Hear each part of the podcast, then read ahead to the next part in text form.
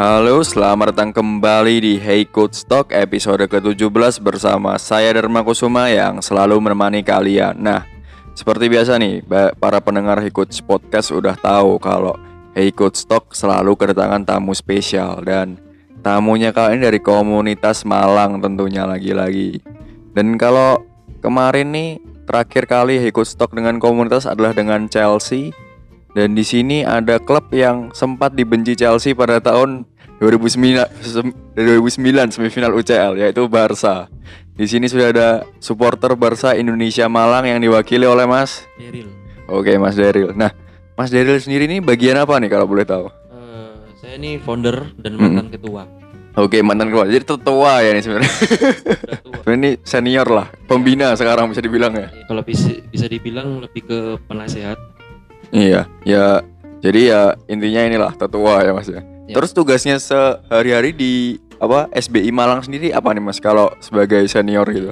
Eh ya biasanya nungguin ini sih anak-anak kalau ada eh, problem Heeh. tanya eh tentang nobar, tentang tentang hal-hal misalkan kepengurusan langsung kontak ke aku sih gitu Oke. aja. Heeh. Jadi kayak aku karena pengen eh, kalau aku sih nyantai aja kayak eh, lebih ke nungguin anak-anak kalau ada butuh misalkan ada eh, pertanyaan tentang nobar gimana kepengurusan karena Iya.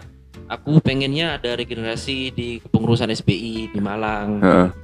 Oleh karena itu eh, aku lepas SBI udah setahun terakhir sih itu. Oke, jadi buat ini apa namanya? Ya intinya mengawal lah SBI Ya, Malang ya. mengawal aja sih. Mengawal aja dari Iya. dari luar ya. Heeh. Tapi kalau kepengurusan sendiri sebenarnya sudah ada ya. Udah, udah Heeh, ada. udah ada. Dan ini sebenarnya Mas Daryl sendiri merupakan founder. Ini sangat terhormat nih. Coach podcast kedatangan apa namanya founder sendiri. Nah, kalau ini Mas, kegiatan SBI Malang di tengah pandemi ini seperti apa nih?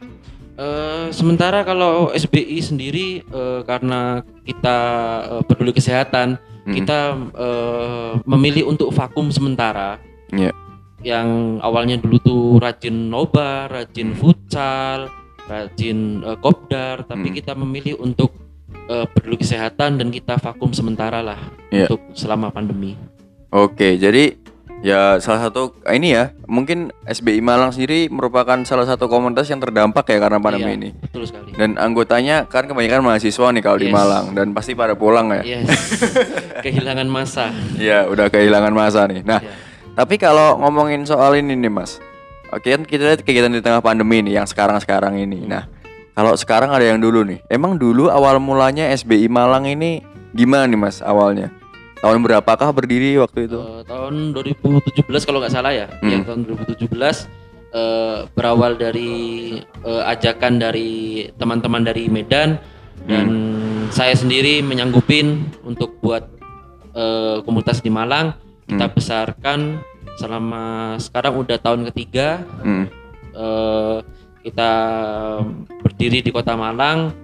Ya alhamdulillah puji Tuhan Hmm. bisa punya member ya lumayan punya masa tapi ya karena pandemi ini kita harus vakum Hmm. sayang sekali ya juga banyak teman-teman member kita yang sudah pulang kampung semua ya Oh iya, Iya, pengurusnya gitu juga pulang kampung.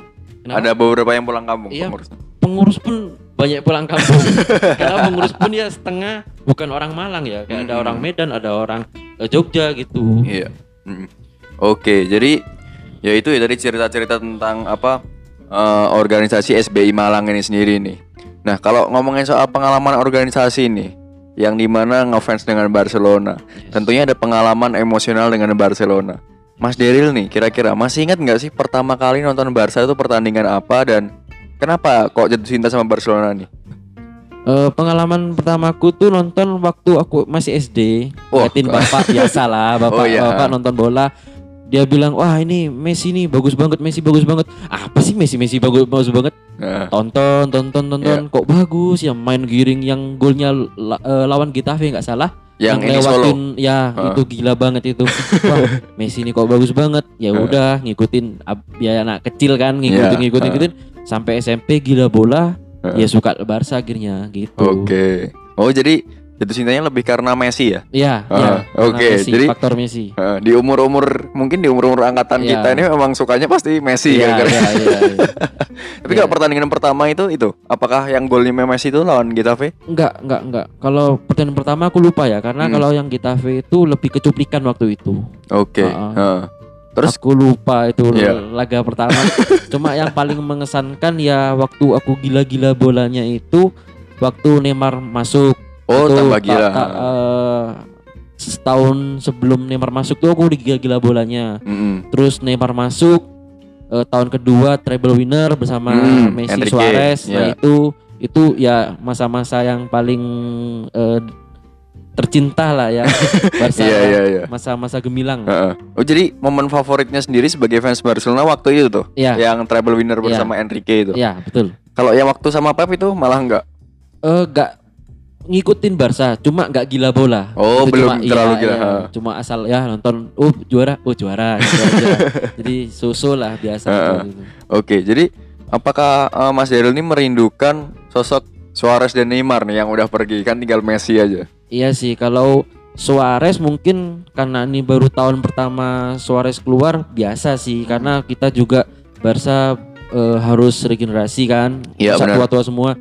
Kalau Neymar itu yang susah karena harganya mahal, Mm-mm. eh, gajinya mahal terus sendirinya tuh nggak disiplin pemainnya Mm, benar jadi benar. jadi kayak serba salah rindu ya rindu tapi kalau balik ya repot juga gitu kan Heeh. jadi ya susah lah kayak ya kayak kita eh, saya berharap ada pemain yang bisa gantiin lah contohnya kayak Coutinho, Griezmann Oke. yang Heeh. eh, fans Barca berharap bisa lebih berkembang bisa menggantikan eh, sosok Neymar Oke. di 2015 Wak- Waktu itu jadi sedih dong waktu wah Neymar pindahnya ke PSG. Wah, itu mimpi buruk itu bener-bener nesek banget sih.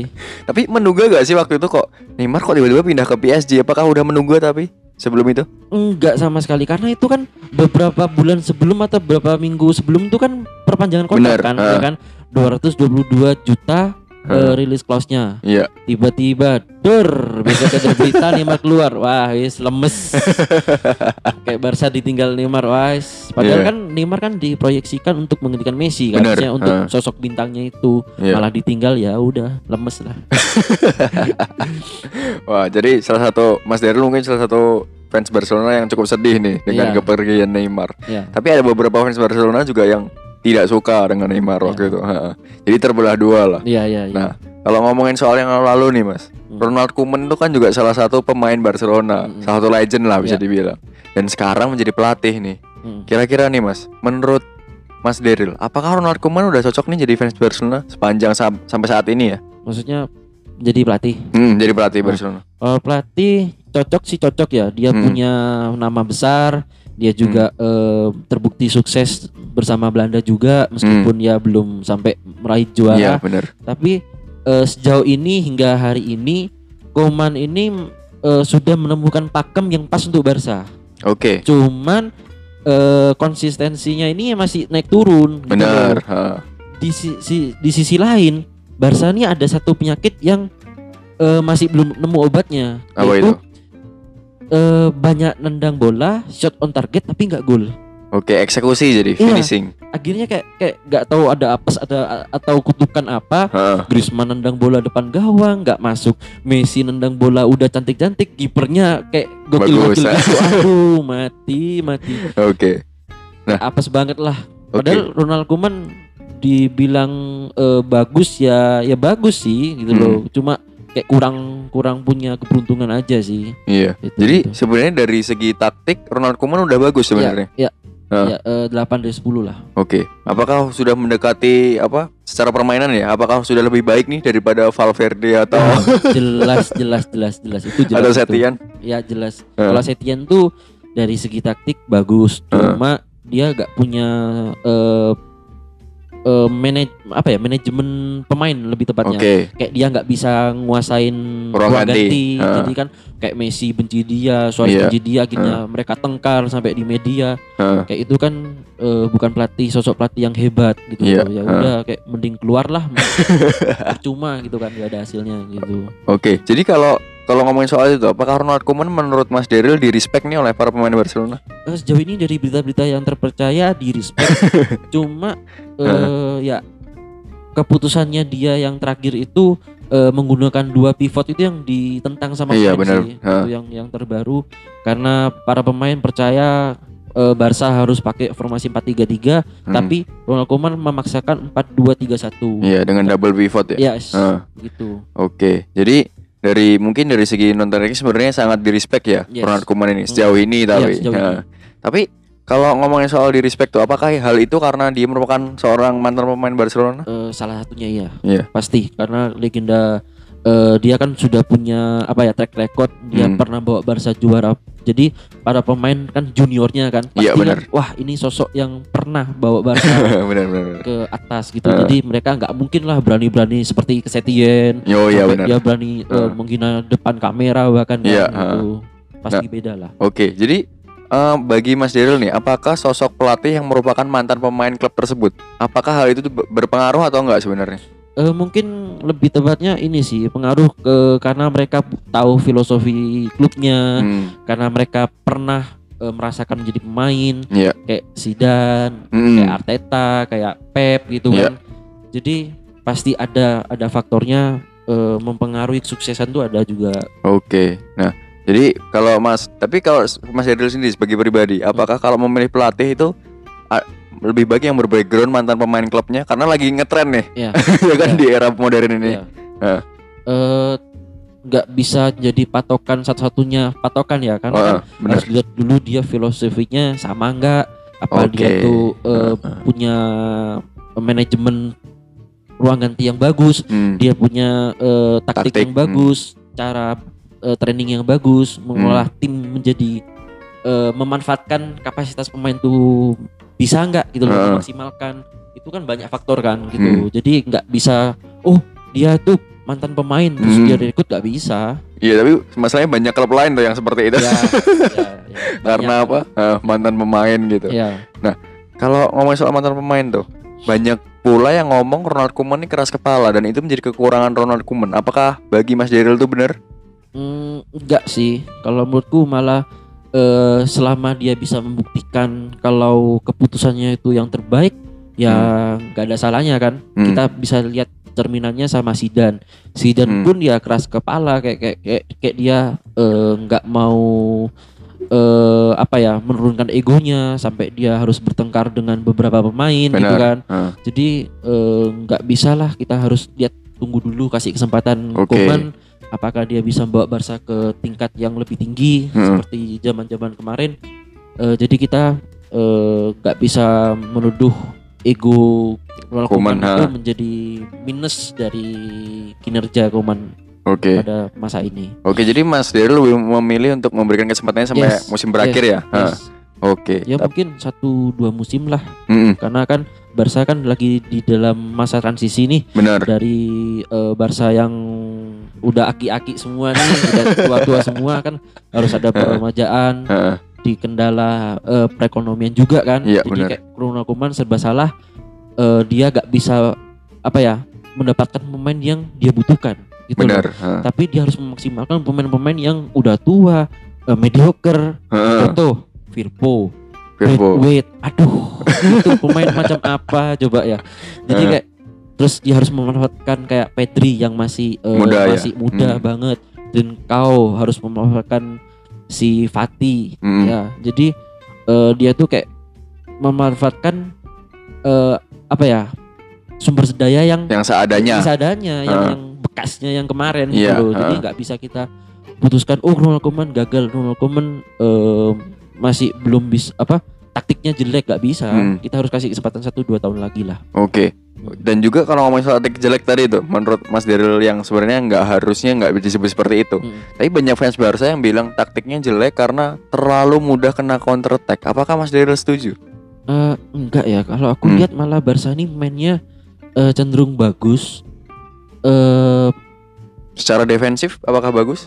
bagus menurutku Hmm. bagus. Oke. Cuma mungkin ada satu yang aku simpulkan tuh kelemahannya itu ma em, peran Messi itu sering sering sering ini loh kayak kayak naik turun. Contoh gini, Hmm. Messi itu awal-awal Kuman di Barca, Messi itu eh, lebih ke belakang. Oke. Jadi dia lebih ke supply kasih bola ke Fati, kasih bola ke Griezmann. Hmm. Nah, Tapi eh, konflik di Barca ini terlalu terlalu terlalu banyak.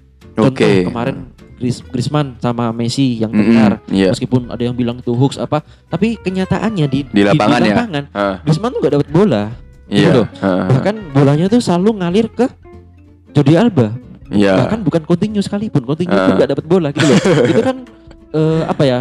Ego Messi itu yang membuat Kuman pun bingung kan harus harus Oke. gimana gitu loh. Nah, eh kemarin tuh sempat ada beberapa pertandingan tuh Messi menurunkan egonya. Mm-mm. Jadi dia bagi bola ke Griezmann, bagi bola ke Jordi Alba, ke Hmm. Coutinho. Mainnya Barca tuh bagus. Nah, Oke. tapi beberapa match Ah, ini tetap aja ke Alba yang Alba pasti ke Messi. Iya, Di depan iya. tuh ada Brad Pitt, ada Griezmann, ada Gak dikasih bola. Bener-bener kosong ini. ah. Tapi dia memilih ngoprek ke Messi yang dijaga empat pemain gitu loh. Iya kayak, benar. Ah, ya, kayak egonya pemain-pemain yang yang yang senior nih nggak bisa diturunin gitu loh. Oke. Jadi apakah Ronald Koeman ini masih belum mampu nih memanage ego pemain senior Barcelona? Eh, mungkin perlu waktu ya, perlu Oke, waktu perlu juga. Jadi Hmm. nggak bisa kita simpulkan kalau yang kayak Setien memang benar-benar gagal sih sampai Iya. sampai sampai apa? eh Setien bener-bener di dihujat di media. Hmm. Kalau Ronald Koeman yang aku tahu tuh eh, bahkan di hari pertamanya dia menjabat sebagai pelatih Barca, Hmm. dia memilih untuk langsung bertemu Messi. Oke. jadi Ah, dia tahu. iya, ah. Barca ini problemnya di Messi. Hmm. Jadi Messi ini punya eh, dua sisi mata koin, plus minus. Ah, Bisa menghancurkan kamu dan bisa membuat kamu tinggi, kan gitu Iya kan? benar. Ah. Nah, jadi eh, Ronald Koeman tahu harus mengendalikan Messi. Nah, sel- selama ini ya Mes- Messi masih bisa sih dikendalikan, cuma ya gitu, dia naik turun, egonya masih tinggi. Iya. Karena Ah, dia juga beberapa eh, pertandingan kemarin tuh sempat gak cetak gol kan. benar. Jadi dia lebih egonya pengen cetak gol, pengen cetak gol. Jadi bolanya dibawa sendiri, di Hmm. sendiri, di shoot sendiri. Padahal temannya kosong, Iya, rekan-rekannya ha. kosong ya gitu sih. Oke. Kalau tapi kalau ngomongin soal Messi ini, kira-kira yang membuat egonya dia semakin tinggi itu apa sih? Karena kan dulu-dulu nih waktu 2010 ke bawah ya. Heeh. Bahkan Sepp Blatter pun sampai bilang kalau dia menang Ballon d'Or karena good boy. Hmm. Image good boy. Tapi sekarang kok jadi dia agak arogan itu menurut Mas Daryl sendiri sebagai fans Barca itu kenapa tuh? Mungkin karena dia merasa eh, apa ya? Sudah su- sudah, sudah besar. Mm-mm. Terus dia tuh egonya lebih pengen ke eh, kasih bola ke teman-teman dekatnya yang di luar lapangan juga. Oke. Busquets, Ha. Pique, Jordi Jordi Alba, Alba, kasih ha. ke Suarez dulu kan. Iya. Jadi bola tuh kasih ke mereka-mereka aja. Ha. Bayang misalkan nih Griezmann, Dembele. Iya. Nah, ini kosong nih. Temennya yang deket itu Heeh. dijaga lima orang, 10 orang, 20 orang. yang yang yang dijaga gitu loh. Jadi kayak Heeh. Messi kayak nggak bisa apa ya, nggak bisa eh, Mengontrol ya. ya kontrol dia harus oper ke mana yang terbaik Hmm. untuk tim. Jadi dia masih apa ya, egonya masih tinggi. Iya lah. benar. Heeh. Egosentris banget gitu Oke. sih. Nah, ini menjadi sebuah masalah ya kalau egosentris seperti Yes. itu. Tapi kalau balik lagi nih ngomongin soal Ronald Koeman. Banyak yang bilang Ronald Koeman ini juga sudah bisa memanfaatkan Frankie De Jong yang musim lalu Mm-mm. nggak bisa dimanfaatkan Yes. kan oleh Valverde Betul. atau Setien. ha. Hmm. Nah, itu apakah setuju kalau dari Mas Daryl? Hmm, setuju. Cuma Hmm. bahkan di media luar pun mereka bilang kalau eh, Frankie De Jong pun nggak maksimal masih. Jadi Hmm. ini masih seteng satu satu kaki, belum dua kaki. Kita bisa lihat eh, permainan De Jong yang Di luar biasa, Hmm. luar biasa kan di kan. Hmm. Dia bisa lewatin berapa orang hanya dengan berapa kali dribble, berapa kali gerakan kan. Heeh. Nah, dia eh, dalam bertahan bagus, dalam Hmm. dalam menyerang bagus. Eh, kurasa Kuman kenal ya Hmm. secara pribadi dengan dengan De Jong, dia tahu Iya cara bermainnya De Jong. Jadi dia punya privilege untuk eh, bisa memanfaatkan De Jong. Cuma Hmm. menurutku eh, di Barca masih belum sih, masih belum maksimal. Masih belum, Eh, oke. Masih belum maksimal. Heeh. Jadi Ronald Koeman sendiri masih belum ya, masih Yes. belum terlalu. Hmm. Nah, kalau ngomongin gelandang satunya nih, yaitu Carles Alenya dan Oh ya. Ricky Puig nih. Katanya Ronald Koeman nih juga tidak memanfaatkan pemain muda Barcelona. Apakah itu benar Mas kalau dari Mas Daryl? Menurutku eh, serba salah ya. Hmm. Karena si Ricky Puig ini kan pemain muda yang masih minim pengalaman, ya Iya kan? benar. Heeh. dia kemarin tuh Ronald Koeman udah menurutku udah tepat sih memilih untuk meminjamkan Buick untuk Mm-mm. eh, di loan dulu Iya. untuk cari jadi jadi jam terbang. Jam terbang Tapi dia gak mau memaksakan dia harus bermain di Barcelona. Barcelona. Nah, Ah. itu ya repot ya. Terus kalau Charles Alenya ini menurutku kurang sih. Maksudnya dia pemain bagus tapi bukan superstar. Oke. Jadi Barca nggak nggak nggak nggak bisa mendapatkan em, kasih kesempatan pemain yang cuma cuma bagus gitu loh. Hmm. Cuma cuma bagus tiga bintang dari lima. Jadi Hmm, nggak bisa gitu loh. Nggak nggak sebagus Oke. eh, De Jong, nggak Hmm. sebagus Arthur. Ya Arthur tuh yang yang sayang dibuang. Oke, jadi Arthur.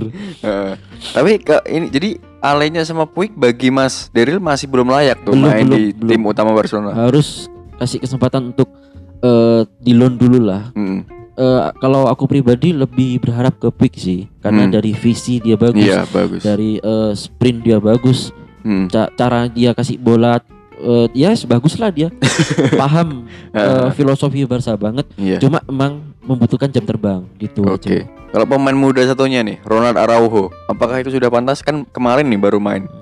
Eh, menurutku enggak lah ya, sekelas Oh Barca Siap Barcelona. eh, meng- mengandalkan Hmm. back muda seperti itu menurutku enggak banget sih. Harusnya Barca bisa lebih membeli pemain sekelas Dayot Up- Upamecano Upamecano. atau yang siapa gitu loh kayak Delik kah? Siapa kah gitu Iya. Masa pemain di rating di FIFA aja berapa 60 aduh parah. Terus kemarin Iya. juga ada look apa? Mingguesa juga. Oh iya, Mingueza, aduh, bu- bunuh diri ya. 64 itu, aduh. Rating di FIFA aja Eh. hancur apalagi di real life ya. Oh jadi ini dong, Mas Deril kalau soal pertahanan lebih baik jangan memanfaatkan La Masia dulu gitu. Eh, menurutku eh serba ser- serba salah ya karena memanfaatkan La Masia pun tapi kalau Kualitasnya? pemainnya kualitasnya enggak enggak enggak setara, enggak Hmm. enggak enggak kelas dunia ya janganlah. Oke. Kayak kita bertaruh karena seolah-olah dia tuh eh, pemain akademi terus kita kasih dia tuh kayak privilege harus main karena Hmm. kamu tuh lama sih nggak bisa lah. Oke. Kalau emang jelek ya jelek aja gitu loh. Iya. Keluar dulu, bisa kayak Pique kan dia sampai dibuang ke MU dulu kan, baru Iya, direkrut bener. lagi kan. Ah. Jadi nggak bisa. Oke, jadi ya kualitas ya ini Heeh, soal heeh. kualitas. Yes. Nah, tapi kalau soal ngomongin kualitas nih, Pjanic masuk dengan kualitas tinggi dari Juventus. Hmm. Tanggapan dari Mas Deril tuh.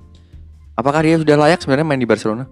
Eh, Pjanic ini pemain bagus ya. Hmm. Dia tuh gelandang yang aku suka dari zamannya dia di Roma, Roma, kan ya, ya. Dia punya eh, long shot yang bagus juga. Cuma yang aku lihat kemarin nih beberapa pertandingan Pjanic ini long shotnya nggak terarah tapi keras. Jadi Hmm. off target terus. Aku heran kok padahal di Juve ini bagus, Iya. di Roma bagus. Bagus. Aku nggak paham kenapa dia jelek di Barca. Padahal Hmm, menurutku eh Cocok harusnya ya. ini Hmm. ya ya cocok meskipun transfernya menurutku aneh banget sih. Masa pemain 24 tahun ditukar sama yang lebih tua 30, 30 tahun. ah. Kayak kayak nggak banget sih kalau Arthur harus dijual demi Pjanic kan. Oke, Cuma jadi Mas- beda 5 atau 10 juta kan. Ah, ah. Iya, iya. Oke, jadi Mas Deril salah satu yang tidak setuju nih dengan Arthur yang keluar juga. Iya. nih. Cuma serba salahnya Arthur.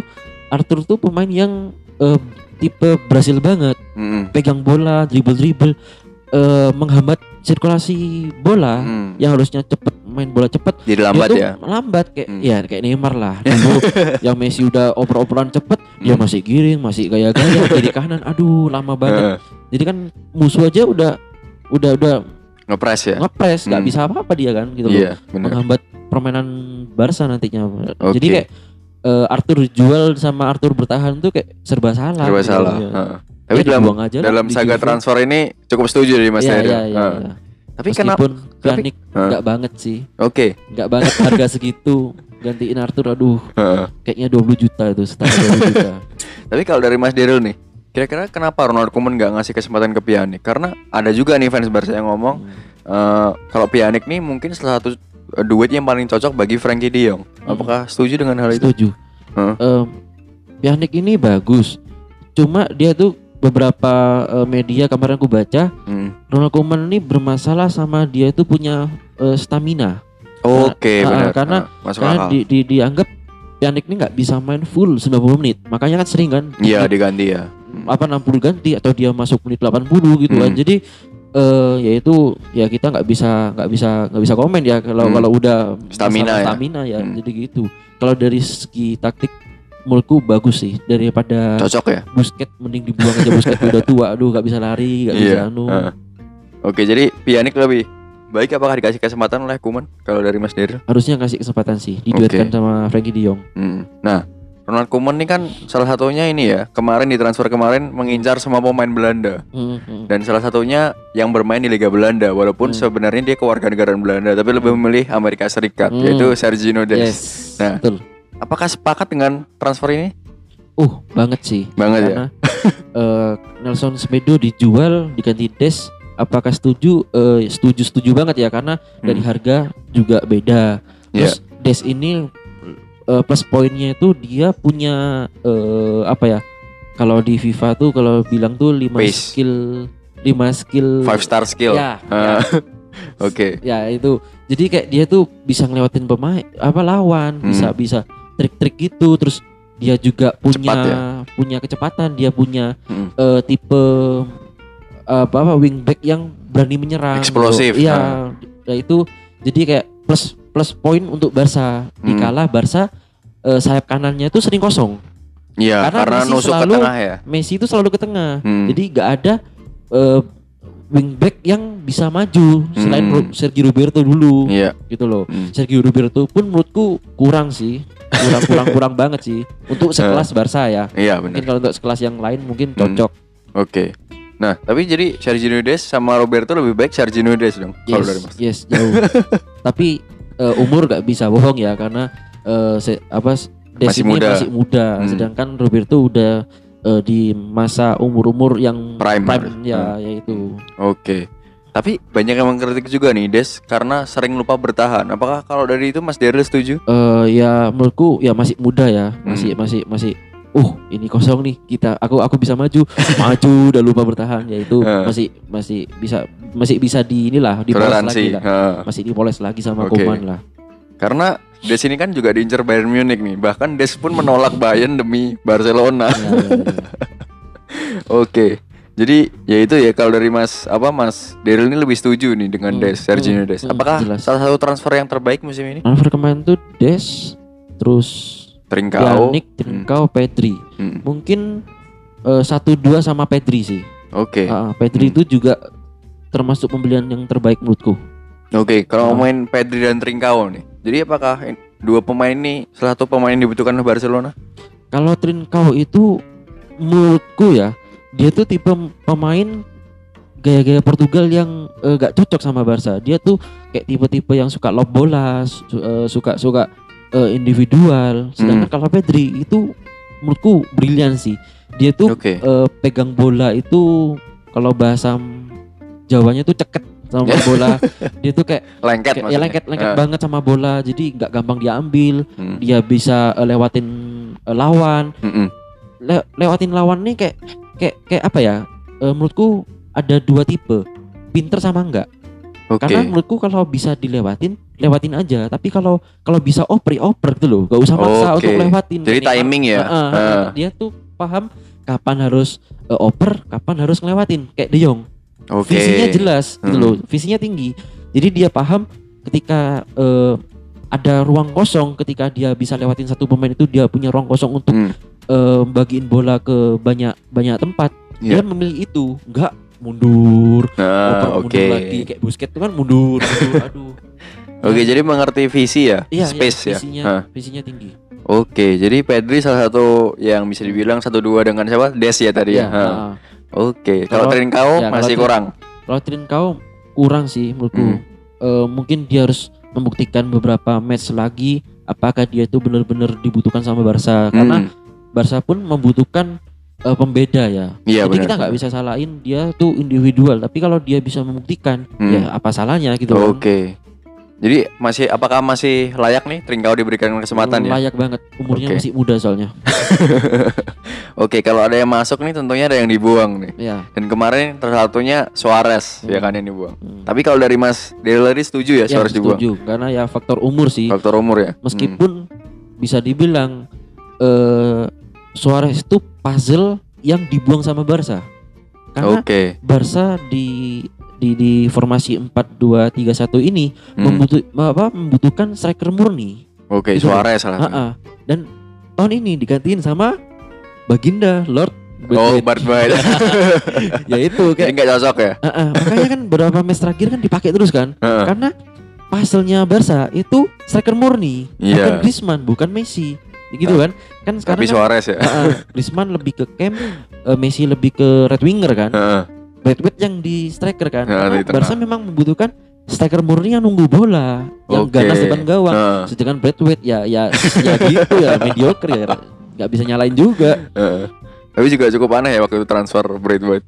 Eh, bukan aneh tapi Paksa. gila gila sih Oh, kan gila sampai ini ini pemain mana ini pemain apa gitu loh siapa orang ini kan Heeh. aduh Oke, jadi Suarez sebenarnya itu setuju secara umur tapi secara strategi sebenarnya dia dibutuhkan. yes Oke, Eh, lebih setuju lagi misalkan Suarez dibuang Hmm, tapi beli eh, baru. penggantinya Ah. itu yang setara contohnya Oke, Lautaro oke, Eh, Lautaro tuh yang ah, kalau kalau. Si siapa Memphis Depay ini aku nggak nggak nggak setuju sih karena bukan striker murni. ah, ah, bukan striker murni dia tuh lebih ke aku melihatnya ke left winger ya lebih ke Hmm, left sayap winger kiri, ya benar. jadi kurang sih Hmm, karena Barca membutuhkan striker murni tajam ya seperti Lautaro Oke, ganas depan gawang tapi kalau pemain tua lainnya, Rakitic kemarin juga dibuang, layak layak layak dibuang. banget harus Kenapa? Padahal di musim pertama membawa ke Champions League loh, yang treble kemarin. tapi sejak musim lalu Eh. Rakitic ini mengalami penurunan yang drastis Oke. kalau boleh dicek kalau aku koreksi kalau apa kalau Salah. salah ya Hmm. tahun kemarin itu Rakitic tuh ditawar 80 apa 90 juta sama PSG Tapi nggak dilepas ya. nggak dilepas Oke. dan tahun ini dilepas hanya Free. satu juta Oh satu juta ya. 1,5 juta ke Sevilla Oke. gila ya 90 juta ditolak tapi ngebuang dengan harga satu aduh sama kayak kasus Munir kan Munir kan dulu Oh benar dua ada di. tiga musim lalu kan Heeh. dijual cuma satu juta kan Oke. nggak tahu tuh manajemen Barca itu ya untungnya udah keluar semua kan Iya. udah mau pemilihan lagi Kemudian lagi ya. Mm. Heeh. Potensi yang paling kuat siapa nih? Kan banyak ada tiga yang Ah, ah, ah. yang yang kuat yang yang aku lihat tuh ya si Fon itu Hmm. terus sama Laporta menurutku ya kayaknya Laporta, Laporta, sih ya. karena Laporta dulu sudah membuktikan kan Ah. dia sukses bersama Pep bahkan eh, alasannya Pep nggak mau balik sama Karena Barca La- lagi ah. karena Laporta mundur Heeh. yang yang gantiin kurang cocok Rosel ya. kurang ya kurang cocok sama kalau Pep dihaluskan tuh kurang cocok sama Pep gitu sih Oke. Yang lain lagi, kalau Destri kan masuk, terus yang keluar adalah Semedo. Nah, Hmm. Semedo, apakah ini salah satu keputusan transfer yang bagus untuk Eh, keluar? eh 50-50 ya kayak kayak dia tuh bagus Mm, harganya 40 juta tuh termasuk mahal mm, mm. tapi eh banyak yang ngomong Semedo ini kurang Oke. untuk Barca Mm. sedangkan pilihan alternatifnya menggantikan dengan Des kan Hmm. Des tuh waktu itu dengan harga 15 juta kisaran segitu Iya. dengan umur yang jauh lebih muda gitu Iya. loh Heeh, masih bener. punya prospek yang Cerah besar ya? banget, nih, cerah banget. Menurutku ya nggak salah sih ngejual Nelson De- Semedo dan ah, menggantikan Semedo. dengan Sergio mu- Iya, pemain muda. Mm. Itu strategi orang-orang yang main FIFA ya. Pemain yang mahal ma- apa yang masih mahal, Heeh. yang udah tua-tua Iya, ah. yang muda-muda. Tapi ini jadi salah satu keputusan transfer yang bagus bagi Mas Daryl. Ah, ah, tapi kalau dari segi pembelian itu buruk. Oh, Karena tapi- buruk. Eh, aku juga nggak bisa nyalain ya, Hmm. karena eh, kemarin bahkan sampai ada eh, Messi yang marah-marah karena gajinya dipotong. Hmm. Kan kita tahu nih Barca lagi krisis. Ya. krisis Barca pun itu ya konyol juga sih. Karena kalau kalau kamu nggak tahu tuh ini Hmm, sih apa kenapa? kasusnya yang si Bartomeu bayar buzzer. Oke, buat Jadi oh, buzzer buzzer ini saya belum tahu nih. Enggak tahu ya. Buzzer buzzer ini disewa dengan uangnya Barca untuk menjelek-jelekan pemainnya Barca. Oke. Nah. Oh, oh pernah dengar tuh kalau. Ah, Heeh. Sedangkan Pique waktu mereka diminta untuk kerelaannya dipotong gajinya, Iya. Pique bilang, lah ngapain kita dipotong gaji untuk uangnya disumbangkan ke orang-orang untuk menghina Menghina dia kita. gitu loh. Dia ya nggak bodoh kan, gajinya dipotong untuk menghina dirinya kan gitu loh. Jadi kayak ya itu konflik sih, ya ya Hmm. skandal lah kalau aku bilang Hmm. skandalnya Barto sih. Oke. ini salah satu emang salah satu keputusan yang aneh ya waktu Iya, itu ya. Jadi kayak Barca di satu sisi nggak punya uang untuk beli pemain-pemain bintang gitu Iya, loh. Jadi ya eh. serba salah. Tapi kalau Arthur tadi kita juga udah udah bahas ya bahwa Mas Daryl tadi apa namanya setuju Ya. kalau Arthur dibuang. Tapi itu kan tadi yang hal nyata yang terjadi nih untuk transfer musim ini. Tapi kalau sebenarnya Mas Daryl tuh pemain yang harus didatangkan nih siapa sih yang pemain yang diidam-idamkan? Kalau mau dibahas satu persatu ya, kayak left back itu Firpo tuh harus dibuang sih, mediocre banget Oke. Firpo. Terus Um Titi itu dibuang karena Hmm. udah udah habis masanya menurutku. Cedera terus ya? Iya, iya Hmm. udah udah hancur karirnya. Kalau Lenglet itu menurutku jel- udah udah jelek banget, Heeh. jelek banget, sering blunder hal-hal yang konyol. Contoh, Iya, iya, iya. dia tuh udah ngikut pemain lawan Hmm. kartu kuning, tapi dia beberapa menit kemudian masih ngikut lagi. maksudnya kalau udah pemain, maksudnya Eh. pemain kalau cerdas dikit aja ya Iya, kan. heeh. Udah kartu kuning kan kita jaga-jaga nih, jangan Eh, sampai bener, kartu kuning bener, bener. Enggak, masih tetap aja main cikut. Padahal Eh. udah tahu kita udah punya VAR kan, Heeh. ya kan. Kayak- iya. kayak mau ngikut gimana cara pun, ya masih Pasti ketahuan. gitu loh. Eh. Konyol aja. Kalau Pique eh, masih cocok di Barca tapi karena umur sih. Oke. umur. Jadi sebagai ini ya, mentor biasanya. ah, ah, mentor aja. Jadi eh, kalau diandelin ya hanya kayak Ramos di Madrid aja, kepemimpinannya, Oke, jadi leadershipnya aja. Terus eh moodku harus mem- membeli dua back sih. Dua salah back tengah satunya, maksudnya? ah, ah, salah satunya ya Dayot Upamecano itu salah Oke. satunya. Kalau yang lain aku masih nggak apa ya, nggak nggak ngikutin karena rumornya pun nggak ada kan. Barca harus rumornya dikit ya. apa, Iya, paling ya Eric Ga- Garcia. Eric Hmm. Garcia pun menurutku Muda Eh, Mas. masih terlalu muda, masih terlalu apa ya, masih terlalu rentan lah. Ya, untuk Bagus diandalkan. banget atau jelek banget itu masih rentan banget Hmm, gitu hmm. kan. Nah, kalau right back udah bagus, udah ada Des, udah ada Roberto. Iya. Di tengah itu yang harus dibuang tuh Busquets. Busquets. Terus Oke. eh Puig di loan. Alena tuh kalau nggak di loan dijual. Hmm. Terus ada siapa lagi tengah tuh? Coutinho. Coutinho tuh bagus untuk dipertahanin, dimanfaatkan apa dimanfaatkan Hmm. eh, dimaksimalkan dia punya kapasitas. Oke. Dembele itu menurutku dikasih kesempatan karena dia tuh pemain extraordinary. Secara ya kan? talent ya. Ah, ah, ah. Hmm. Sedang cuma dia tuh kan Fisiknya. masalah disiplin. Hmm. Dan dia fisik tuh- ya. Fisik itu karena disiplin. Ah, oke. Jadi dia itu eh, memilih untuk eh, malam-malam main PS, akhirnya dia tuh nggak bisa bangun Oke. dan dia tuh selalu telat untuk latihan. Hmm. Gila nggak? Pemain sekelas bintang di Barca Heeh. masih sibuk main PS. Aduh, apa bedanya sama aku kan? nah gitu. Heeh. Terus ada Terus siapa lagi nih? Trincao, Pedri itu layak Layak dipertahanin. pertahankan. Heeh. Messi dipertahanin, Griezmann itu White tadi. wah Braithwaite Lord nyar kita. Waduh. Braithwaite Eh. dibuang lah. Kalau Eh. Griezmann itu Griezmann. eh dia tuh pemain bagus tapi bukan superstar. Itu Oke, beda. Bagus bukan superstar karena dia tuh tipe pemain yang membutuhkan ruang. Oke. Bu- bukan heeh. bukan pemain yang tajam di depan gawang.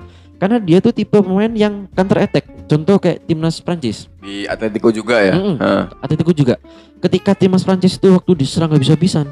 Waktu counter attack ada Bape dan Griezmann. Heeh. Itu kan gila-gilanya. Iya, benar, benar, ada. Giroud yang bagiin bola. Heeh. Makanya Griezmann bagus. Iya. Makanya eh, Bape pun bagus gitu kan. Heeh. Eh, Griezmann tuh membutuhkan space untuk dia lari, untuk dia cari ruang, untuk memanfaatkan Shooting juga. Ah, ah, untuk untuk cari celah untuk hindari offset itu bagus Hmm. banget dia. Tapi Oke. kan Barca nggak bisa main kayak gitu. Hmm, Barca kan mainnya position, bener. nggak nggak main counter attack. Nah itu ya fail sih menurutku kalau di Oke. Barca. Tapi apakah lebih baik dijual dia karena dengan harga pemain seperti itu Ya. dan kurang bisa dimanfaatkan? Hmm. Kalau kalau aku jadi manajemen Barca aku lebih baik jual sih. Oke. 80 juta pun aku lepas. Beneran. Oke. Terus kalau yang didatangkan tuh, yang di lini depan tadi itu siapa? Lautaro kah yang memang dirumor-rumorkan?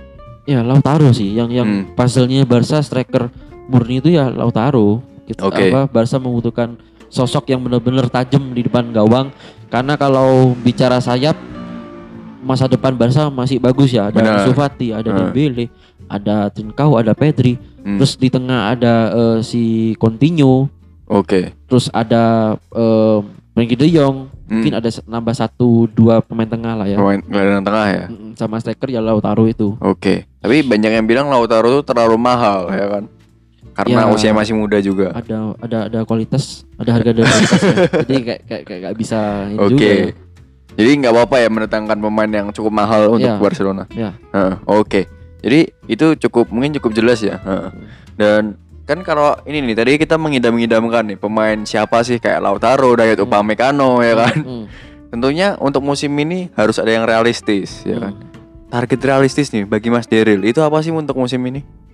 Eh, kalau target eh, prestasi atau pemain nih? Prestasi maksudnya. Prestasi ya. Itu apakah La Liga juara atau Eh, mungkin menurutku eh, prestasi prestasi juara itu bukan parameter menurutku ya. Oke. Jadi misalkan Hmm. gini, Barca musim ini nol gelar sekalipun, tapi Ya. Barca punya pakem yang jelas, Barca bisa eh, prospek beberapa pemain, misalkan Hmm. nih Dembele udah jadi bagus, Pedri udah jadi bagus, Trincao jadi bagus, Hmm. terus pakemnya bagus, udah udah jelas nih, Hmm. tinggal be- beli be- apa beberapa pemain di musim yang akan datang. Iya. Terus di musim akan mendatang treble lagi kan, why not? Oke. gitu loh. Jadi kan ah. jadi kayak apa ya Lebih sabar ya untuk ya regenerasi kan membutuhkan waktu kan jadi Hmm. kita nggak bisa nuntut eh, target harus La Liga harus Liga Champion kalau Liga Champion nggak sih ya Barca udah kayak gini nggak lah mungkin Oke. kalau La Liga Copa del Rey ya 70-80 persen lah bisa Heeh. Oke, jadi ini cukup berbeda nih dengan fans rival karena kalau fans rival kan selalu menuntut gelar juara. iya iya iya Tapi kalau di La Liga sendiri apakah nggak gengsi tuh kalau misalkan Real Madrid juara lagi nih dua kali beruntun untuk musim ini? Kalau misalkan juara. oh nyatanya Barca juara 7 apa 8 kali dari 12 tahun terakhir Hmm, kan Oke. Jadi itu udah menjawab sih Barca ber, ber- apa, eh, berkuasa di Spanyol. Heeh. Jadi kalau ya itu balik lagi kalau misalkan Barca eh, masa transisi ini dimanfaatkan dengan sebaik-baiknya Hmm. untuk istilahnya eh, isi bensin dan full gas nantinya. Oh, musim berikutnya. Nah, Heeh, kita oke. ambil contoh kayak Jurgen Klopp. Hmm. Dia tuh nggak langsung juara kan? Dia Iya di benar. benar. Liverpool Iya. dia membutuhkan 2-3 tahun Hmm. untuk eh, membangun puzzle-nya. Iya. Dia ambil puzzle 1 2 1 2 1 2 dia Musim kumpulin kelima, jadi- Ah, ah, empat musim keempat, musim Hmm. kelima. Boom, langsung Hmm. dia juara UCL, dia langsung juara Liga. Liga Primer yang hampir 30 tahun.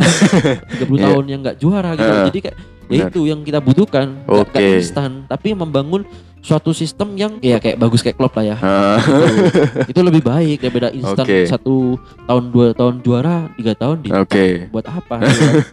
Jadi kalau dari Mas Diril ini lebih mencintai proses ya kalau soal Yes. prestasi ya. yes Nah, kalau Liga Champion ini targetnya apa nih? Kalau nggak juara kan tadi nggak juara nggak mungkin. Semifinal kah? Kalau Nah, minimal semifinal Minimal semifinal ya? sekelas Ah. Barca masa semifinal aja gak bisa kan musim lalu tapi nggak bisa.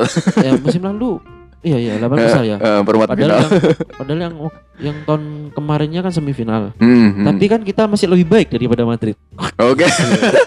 Madrid eh, dua musim kemarin itu 16 16 besar. besar terus ya. Iya. dan musim ini dia kewalahan kan hampir Iya, hampir aja hampir kan, nggak lolos. hampir aja jadi kita lihatlah seru-serunya Jadi, serunya sepak bola kan Iya Nggak bisa benar. benar. ditebak Karena kan di untuk Liga Champion musim ini Barcelona kan di peringkat dua tuh, bukan di peringkat satu. Nah itu apakah nanti akan kesulitan tuh di 16 besar ya terutama? Nah, ah. Heeh. banget sih karena pem- apa em, aku berharap nggak sampai ketemu Bayern ya Bayern Eh, ketemu Man tim-tim City, peringkat satu. ya, Yang- itu eh, kacau sih Iya, Eh, kalau ketemu Liverpool menurutku masih susah bisa. juga sih oh susah, juga. Hmm. karena meskipun Liverpool tuh lagi badai cedera Hmm, tapi Klopp kan nggak nggak nggak tergantung sama satu dua pemain kan Oke. jadi aku berharap ketemu yang lebih gampang lah ya yang lebih mudah aduh kacau kalau ketemu Oke. Bayern ketemu Man City Eh. tapi ya kalau andai kata ketemu mereka pun ya kita Hmm. harus dukung kan jadi Hmm. kita nggak nggak nggak kalah Benar. sebelum bertanding Benar. gitu jadi Eh. aman-aman aja Oke, ya yang berharap dulu lah bahayanya oke. Jadi yang penting ini ya ngelihat ini lawan 16 besar siapa. Kalau misalkan bisa lolos, jadi cukup mulus Ya. tuh untuk ke semifinal ya. Yes, Hmm, yes. Oke. tergantung bracketnya lah Nah ini kalau di peringkat dua di grup stage emang harus ini apa? Ber- banyak berdoa katanya. iya iya iya. harus puasa Eh, Oke. Tapi kalau ini kompetisi lain seperti Copa del Rey, kalau Mas Deril apakah menganggap Copa del Rey itu penting atau ini hanya untuk skuad rotasi? Karena fans Barca kebagi dua nih, ada yang pengen juara, ada yang cuma rotasi aja lah gitu. Kalau Copa del Rey harusnya kalau aku jadi koman ya, aku Hmm. memanfaatkan sebaik-baiknya eh, untuk Copa del Rey ini dimanfaatkan untuk apa? Dimanfaatkan untuk eh, melihat potensi-potensi dari pemain-pemain mudanya. Oke. Tapi jangan eh, Sekaligus semua pemain muda ya. Jadi Ah. misalkan eh, satu dua tiga pemain itu pemain muda gitu loh. Jadi misalkan coba Heeh. nyob- eh, kasih jam terbang untuk Dembele, Iya. untuk untuk Trincao, untuk Pedri gitu. Heeh. Jadi eh, untuk Quick lagi yang Alena Heeh. gitu. Jadi kita bisa lihat progresnya mereka gitu loh. Karena mereka kalau Oke. di La Liga sama di Champion nggak akan punya tempat Benar, gitu loh. benar, Seperti benar, Quick kan nggak pu- akan punya tempat gitu loh. Jadi emang kalau Mas Daryl bukan tipe fans Barca yang udahlah ini apa Copa del Rey dijadikan untuk momentum Yes. pemain muda aja. Yes. Tapi Harusnya gitu. nggak gengsi nih kalau misalkan nanti Real Madrid juara. Karena final kemarin pun bukan dua tim Real Madrid, Barcelona atau Atletico bahkan. Ya, Hmm. ya. Menurutku enggak sih, enggak apa-apa sih. Yang kalau kalau kita bisa manfaatin piala, kalau kata Coach Justin tuh piala ciki ya, piala ciki ya.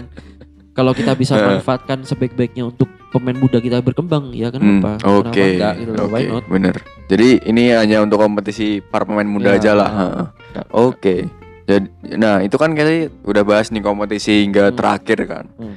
Tentunya ini kita udah memasuki masa-masa akhir podcast ini kan. Hmm. Nah, untuk Mas Daryl nih sebagai tetua SBI, yaitu supporter Barcelona Indonesia Malang, harapannya untuk SBI Malang sendiri ini apa dulu nih Mas? Eh, kalau untuk SBI aku berharap ini sih apa eh, kesulitan dalam kepengurusan, Hmm, member juga oke. Eh, aku pun nggak bisa berbanyak banyak karena pandemi ya. Karena Hmm, aku benar, aku benar. aku jujur nggak mau apa ya mengutamakan egoku untuk ya, berkumpul bersama-sama, Hmm. tiap tidak ngecen eh, daripada kesehatan mereka. gitu Oke, loh. heeh. Jadi aku mengutamakan kesehatan kesehatan eh, para para pengurus pengurus SBI yang aktif sekarang Hmm, eh, untuk member-member juga. Jadi aku ya berharap ya mereka sehat lah. Oke. ini, ya. Oke, jadi untuk saat ini memang yang paling penting kesehatan ya, Yes. kesehatan pengurus agar Yes. setelah pandemi nanti SBI Malang apakah mau Ah, aktif lagi Mas? Yo harus harus itu. Oke. Nah, mungkin bagi ini pesan-pesan terakhir dari Mas Daryl untuk pendengar pod, Hey Coach Podcast nih, terutama yang fans Barcelona nih. Pesannya nih untuk fans Barcelona pesan terakhirnya. Ini apa nih kira-kira? Eh, mungkin pesannya harus sabar ya, karena kita Ah. harus siap dihujat oleh Madrid.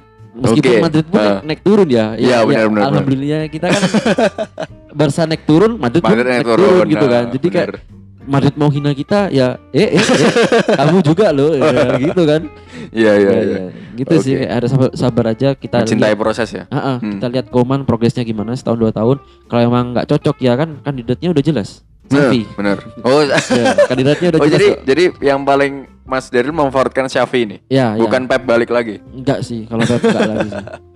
Oke, jadi itu ya pesan terakhir dari Mas Daryl adalah mencintai proses. Jadi saya Dharma Kusuma signing out karena udah nggak ada pesan lagi. Lalu Mas Daryl juga Ya. say goodbye ya Mas ya. Yes. Nah, untuk Mas Daryl terima kasih Mas udah apa namanya menghadiri podcast ini meluangkan Yes. waktunya ya kan. Sama-sama. Heeh. Saya yang terima kasih. saya juga terima kasih. Jadi sampai jumpa di Hey Coach Talk atau segmen Hey Coach Podcast lainnya. Goodbye.